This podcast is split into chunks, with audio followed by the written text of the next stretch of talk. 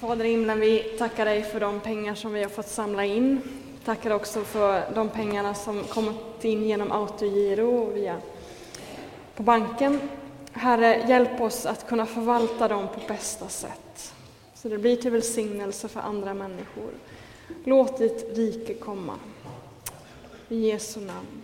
Amen. Jag snurrar runt hela tiden. Om ni hör mig nu. Så. Vi har alltså kommit till del två i Lyxfällan. Ska jag... Kan du prata medan jag... jag kan prata här så fan... Ja, känns lite konstigt. Men i alla fall. Vi har kommit till del två i Lyxfällan. Eh, för, förra söndagen så inledde eh, Fredrik genom att tala om mammons makt över oss. Får du någon ordning på det där Peter? Ja, tack. Mammons makt över våra liv, att Jesus faktiskt kallar pengarna för en avgud som vi ska akta oss för. Och idag tänkte jag tala om hur pengar kan både splittra gemenskapen men också förena. Hur pengar kan splittra men också förena. Man kan ju fördjupa sig i det här ämnet på en rad olika sätt. Man kan lyssna på de här predikningarna, man kan gå på bibelstudie. Vi har ju bibelstudie en gång i månaden. Och I mitten av februari ska, så ska Emanuel Bäckryd tala om Guds rike och pengarna. Det kan jag rekommendera. Sen kan man ju läsa massa böcker. En av de stora läsupplevelserna jag hade i höstas var den här boken. Jorden det ärvde av Björn af Klein jag tror att den blev nominerad till Augustpriset. Eh, en jättespännande bok som handlar om en speciell arvsordning som, som eh, finns kvar när det gäller eh, vissa storgods och slott eh, som staten har gett sitt tillstånd. Så det handlar om såna olika godsägarfamiljer. Eh, jättespännande. Och där är det så tydligt att just detta med arv och stora egendomar så lätt splittrar gemenskaper och familjer.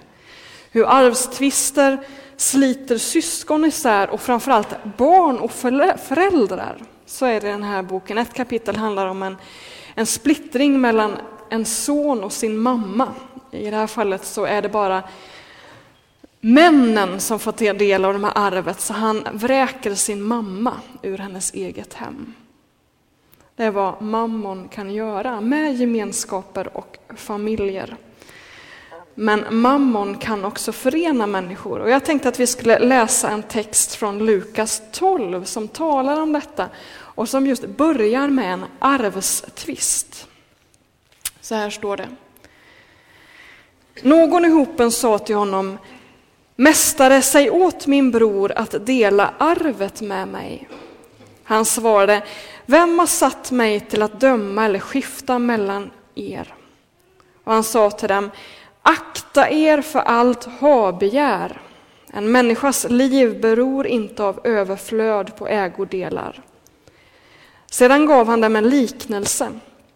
En rik man hade fått god skörd på sina jordar. Han tänkte för sig själv, vad ska jag göra? Jag har inte plats för hela skörden. Han sa, så här ska jag göra.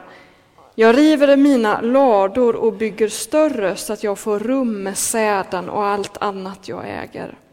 Sedan kan jag säga till mig själv, nu min vän är du väl försörjd för många år framåt. Du kan vila ut. Ät, drick och roa dig. Men Gud sa till honom, din dåre, i natt ska ditt liv tas ifrån dig, och allt du har lagt på hög, vem ska få det? Så går det för den som samlar skatter åt sig själv, men inte är rik inför Gud. Alltså, den här texten börjar med att någon i den här folksamlingen runt Jesus säger, men lös den här arvstvisten åt mig. Och så säger Jesus,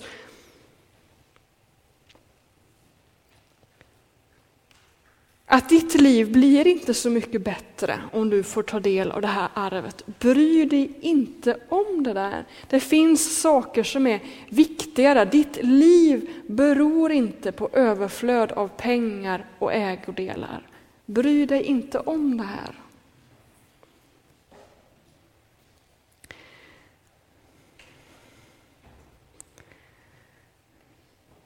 För den här mannen hade det här arvet blivit mycket viktigare än gemenskapen med sin bror och sin familj. Han satte det som mer dyrbart i sitt, i sitt liv. Ett habegär gjorde att han, han drogs bort från den här gemenskapen. Habegäret får oss att missa det som är dyrbart i vårt liv. Det är vad Jesus säger. Ett exempel är till exempel hur habegäret efter alkohol så tydligt slår sönder relationer. När allt handlar om alkoholen. Vilket har splittrat många familjer. Och det är just det här begäret efter för mycket. Ett glas vin kan vara förgylla en kväll och en gemenskap och en fest. Men en hel flaska kan fördärva en hel familj. Alltså begäret efter för mycket. När man plötsligt har satt sitt fokus på, på prylar, saker, istället för relationer och gemenskap, det som faktiskt är viktigt. Det förstör våra liv. Därför säger Jesus, akta dig för habegäret. I den gamla översättningen så stod det girighet. Bibel 2000 har genomgående översatt det här ordet med antingen habegär eller själviskhet. Men det, det här ordet innehåller alla de här nyanserna. Habegär, girighet, själviskhet. Att liksom ha ett omåttligt begär för någonting. Man är inte måttfull. Och Jesus säger akta er för det begäret som bara vill, vill samla på ö, hög och som inte kan få nog. Och så berättar Jesus den här liknelsen om en man som har samlat i lador. Och det här tycks vara en ensam man. Märkte ni det i texten? Han är ensam. Han har ingen att tala med, därför talar han med sig själv. Först tänker mannen, vad ska jag göra med skörden? Och sen säger han att han ska bygga större lador så att han får plats med hela skörden. Och så tänker han, sedan kan jag säga till mig själv, nu min vän är du väl försörjd för många år framöver. Du kan vila ut, ät, drick och roa dig. Han kallar sig själv för sin vän. Han rådgör inte med någon, han tänker för sig själv, han pratar för sig själv och han säger min vän. Han har inga andra vänner, han verkar inte ha någon familj heller. För när Gud kommer till honom och säger din dåre, i natt ska ditt liv tas ifrån dig och allt du har lagt på hög, vem ska få det? Alltså det finns ingen som kan ärva efter dig, du har ingen att, att föra din rikedom vidare. Mannen är ensam. Jag tänkte att vi skulle dra vidare till apostlärningarna. Som jag sa, pengar kan både splittra relationer och gemenskaper, men pengar kan också förena. Låt oss gå till Apostlagärningarna kapitel 4, där det står om den första församlingen. Då står det så här. Alla de många som hade kommit till tro var ett hjärta och en själ och ingen betraktade något av det han ägde som sitt. De hade allt gemensamt. Och med stor kraft frambar apostlarna vittnesbördet om att Herren Jesus hade uppstått. Och de fick alla riklig del av Guds nåd. Ingen av dem led någon nöd. De som ägde jord eller hus sålde sin egendom och kom med köpesumman och lade ner den vid apostlarnas fötter. Och man delade ut åt var och en efter hans behov. Josef, en levit från Sypen, som apostlarna kallade Barnabas, det vill säga tröstens son, sålde också han en åker som han ägde och kom och lade ner pengarna framför apostlarna. Den här texten lämnar ingen församling i fred eftersom ingen församling har det på det sättet. I alla fall inte vad jag vet. Vi betraktar alla vår egendom som vår egen. Alltså det här är mitt hus, mina pengar, mina grejer. Och så ibland ger jag lite av mina pengar, kanske 10 procent, till den gemensamma kassan. Men det är ju knappast det där. Ingen betraktade något som sitt, de hade allt gemensamt. I klostren däremot, där försöker man praktisera det här. Man försöker leva i en egendomsgemenskap. Man säljer allt och så har man allt gemensamt och man har ett gemensamt hushåll. Sen finns det ju en del kollektiv och gemenskaper som har eh, kommuniteter som har experimenterat en del med det och försökt på vilket sätt kan man leva det här om man har ett vanligt familjeliv. Jag var på en, en konferens en gång där de som var med på 70-talet och de som just nu försöker leva i kollektiv möttes och så fick man byta lite erfarenheter. Och då sa de som var med på 70-talet, som försökte bygga någon form av, av, av ett sånt liv, eh, att alltså tänk er för innan ni skaffar gemensam ekonomi. Vill ni verkligen det här? Hur långsiktigt är det? För det leder till så mycket gräl. Alltså när man ska ta sig an den här utmaningen att ha gemensam ekonomi, då får man också betydligt mer att bråka om. Är det värt det? Och vi samtalade en del om det där. Och därför tycker jag det är så fantastiskt att det står just i den här texten att de var ett hjärta och en själ. Trots att de hade en hel del att besluta om, och bestämma och diskutera och samtala om och bråka om, så var de ett hjärta och en själ. Hur i hela friden lyckades de med det? Hur har de lyckats bli så förenade i den här församlingen att ingen av dem betraktar något som sitt? Alltså vilken gemenskap! Vilken enhet! Hur lyckades de med det? Det är ju liksom ett, ett mirakel. Hur blir man så from? Det är ju en sak att liksom ta det där steget, det där radikala steget och sälja nästan allt man äger och ge det till församlingen. Att, att, att göra den handlingen, det är ju en helt annan sak att bli givmild helt liksom rakt igenom. Att även ha den attityden i hjärtat. Att vara helt fri från det här begäret. Det är liksom lite två skilda saker. Och en fråga som jag grubblar väldigt mycket på är, ja, men, hur blir man en god människa egentligen?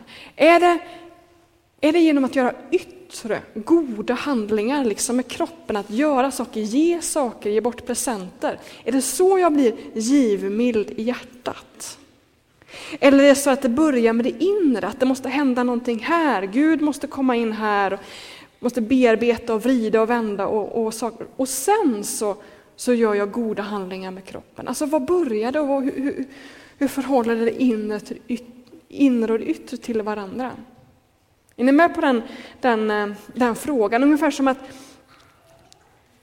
om det, om, det, om det är så att det finns någon här i församlingen som jag inte tycker om, kanske till och med hatar, hur ska jag liksom bli av med det här? Hur ska jag kunna börja älska den här människan? Ska jag börja med det yttre, att börja ge, göra goda gärningar mot den här personen, ge bort presenter, skicka kort, eh, ställa upp, alltså göra goda saker med kroppen? Så att jag till slut börjar älska den personen i mitt hjärta. Eller är det så att jag liksom ska bearbeta där inne, men varför tycker jag inte om den här personen? Och, och Gud ger mig kärlek till den här personen och sen leder det till att jag börjar göra goda handlingar. Alltså det inre och det yttre, hur förhåller det sig till varandra? Och jag tror att det finns en fara att bli för ensidig. Jag tror att det, det sker en växelverkan. Och vi ser det i, i, i, i Nya Testamentet. Jesus säger Följ mig! Alltså, gå efter mig, gör som jag. Så du kanske också blir som jag här inne. Alltså om du, om du följer mig med kroppen så kommer också ditt inre bli likt mig. Samtidigt som Paulus säger, låt er uppfyllas av ande. Ikläd er den, den nya människan. Se till att ni förnyas i ande och förstånd. Alltså Paulus talar om den inre förvandlingen också, att öppna upp sig för den. Och jag tror att man, man behöver göra de här båda sakerna, det inre och det yttre. Och jag tror att om vi gör goda handlingar, till exempel övar oss att ge bort saker och gör det som en bön, Herre gör mig givmild, då händer det någonting. Alltså att se att de där sakerna sitter ihop.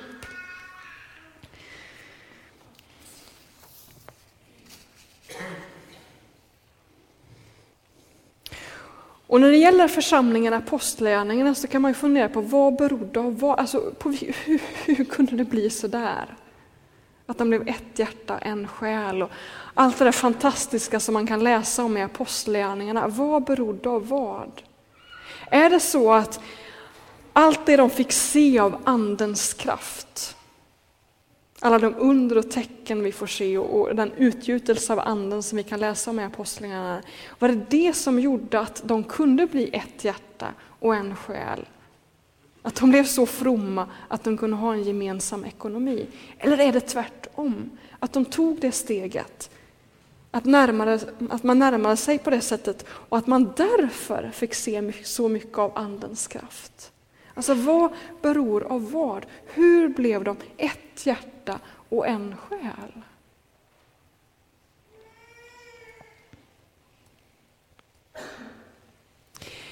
Det finns ju en typ av egendomsgemenskap som är väldigt vanlig och det är ju äktenskapet. Där lever man i egendomsgemenskap, oftast i alla fall. Och det gör man ju för att man älskar varandra. Man lever i egendomsgemenskap för att man älskar varandra. I vigselakten kan man säga lite olika vid ringväxlingen, men här är ett av alternativen. Det låter så här.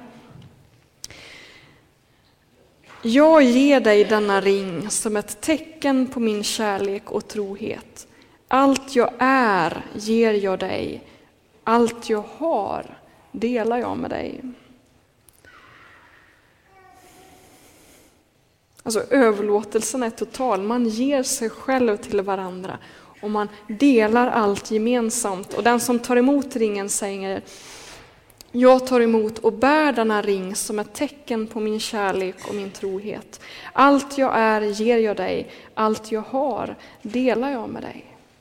Och det är stort. Det är stort det som sker en vigselakt när två människor ger sig till varandra. Och ändå är det inte lika stort som det som händer i dopgraven. Det är betydligt större. För i dopet så står Kristus där och säger Jag ger dig mig själv.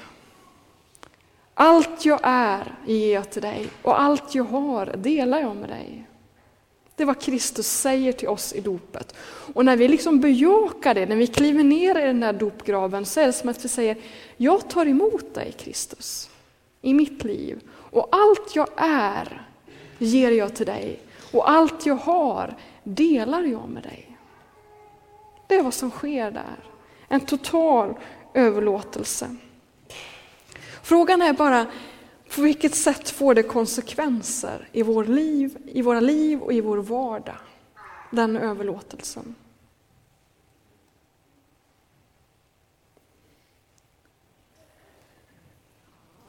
Har vi förstått hur stort dopet är och vilka, vilken stor konsekvens det leder till? Och precis som i ett äktenskap när man gifter sig med någon så får man ju en del på köpet, man får hela släkten. Vare sig man vill eller inte så måste man gå på kalas och på det ena med det andra och de kanske inte alltid är så trevliga. Men man måste ändå ta det på köpet och lite så är det i dopet också. När man tar emot Kristus då tar man emot alla hans syskon. Alla de som i tid och rum har låtit sig förenas med honom. Man får församlingen på köpet och den kanske inte alltid är så trevlig. Men man får lära sig att älska den i alla fall. Så är det. Vi måste vara realistiska när vi tänker församling. När vi läser den här texten från Apostlagärningarna kan vi inte bara säga åh, är vi misslyckade, åh vad dåligt det här. Jag ska gå ut här utanför och se om jag kan hitta en bättre församling där man verkligen är ett hjärta och en själ. Nej, det här är en process. Att allt mer gå mot det här målet, att allt mer gå mot den här föreningen, den här enheten. Där man lär sig att älska alla Jesus syskon och lever som en enda familj. Det är ett mål att sträva efter. Och därför får ju var och en av oss ställa den frågan, vad är det som hindrar mig? Varför ser jag mitt liv, min bostad, mina grejer, mina pengar som mitt? Och så går jag ibland till kyrkan. Varför ser jag inte församlingen som min familj? Som jag delar allt med. För församlingen är ju det. Vi är alla Jesus syskon som har tagit, tagit emot dopet. Vad är det som gör att, att, att jag inte ser det, att jag lever liksom för mig själv ensam på mitt hörn? Som den här mannen i liknelsen. Vad är det som behöver ske med mig? Är det så att jag ska börja i det yttre, att börja dela med lite, lite mer av vad jag har? Av mina pengar, mina grejer, låna ut mera saker. Försöka öva sig att leva mer gemensamt i cellgruppen till exempel. Är det där jag ska börja? Eller är det så att det finns någonting i mitt inre, oförsonlighet, hat, bitterhet, ilska? Massa groll som ligger gentemot andra personer i den här gemenskapen. Var ska jag börja? Hur når man detta att bli ett hjärta och en själ med Kristi kropp, församlingen? Vad är steget som du behöver ta? Det kristna livet handlar om att bli allt mer lik Jesus. Vi pratade om det i höstas. Och vi sa också att, att det är vad vi vill vara som församling. Vi vill vara en en öppen och generös gemenskap där allt fler möter, följer och formas av Jesus. Alltså där vi alla går mot, en, går mot Kristus, till att bli allt mer lik honom, men där vi också är öppen och generös. Att, att det får ta tid. Jag kan inte säga till en människa som bara ramlar in här genom dörren att nu ska vi ha egendomsgemenskap tillsammans här. Alltså det, det, det, är ett stort steg, utan det här får vara en process. Man får ta ett steg i taget, men vi måste vandra.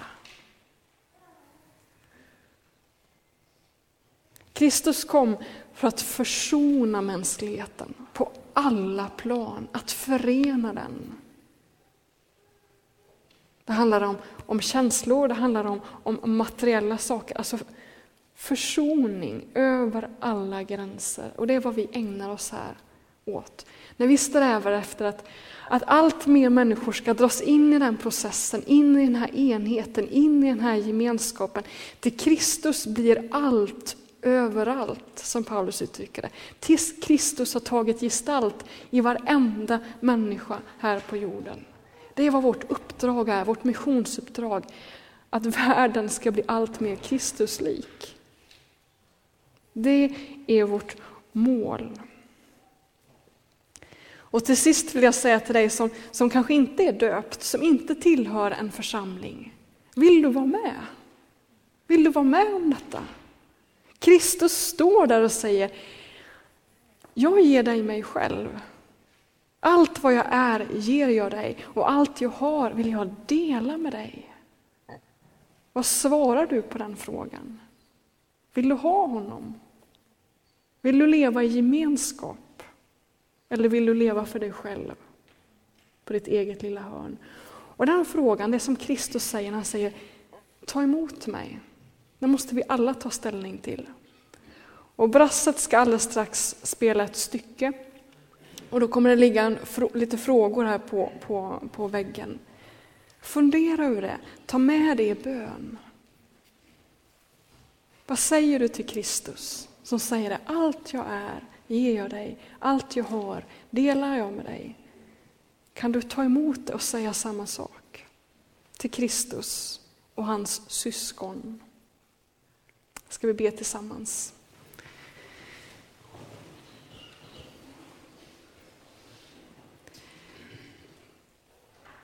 Jesus, tack för den undervisning som du har gett. Tack för att du kom hit till jorden och gav dig själv du avstod från all härlighet och gav dig själv till oss. Tack för att du inte är girig, inte är självisk, inte fylld av habegär, utan du är generös, helt rakt igenom. Du ger dig själv, du, du ger dig själv till oss. Och jag ber att vi helt och fullt ska kunna säga ja, jag vill ta emot dig, jag vill ha dig i mitt liv. Och hjälp oss att kunna ta konsekvensen av det, att allt blir mer Kristuslik. Att bli ett hjärta och en själ med dina syskon, med din församling. Hjälp oss att försona oss, försona oss med andra människor. Att älska varandra, att förlåta varandra, men också att dela allt med varandra. Att dela bördor, sorger, glädjeämnen med varandra, men också våra pengar. Jag ber att du skulle hjälpa oss att, att på ett kreativt sätt gå vidare i detta. Att, att, att fundera på hur, hur lever man ut församlingsliv i vår kultur idag? Herre, välsigna oss och led oss vidare. Och välsigna denna bönestund som vi nu ska gå in i. Herre, förbarma dig. Låt ditt rike komma, låt ditt namn bli helgat. I Jesu namn. Amen.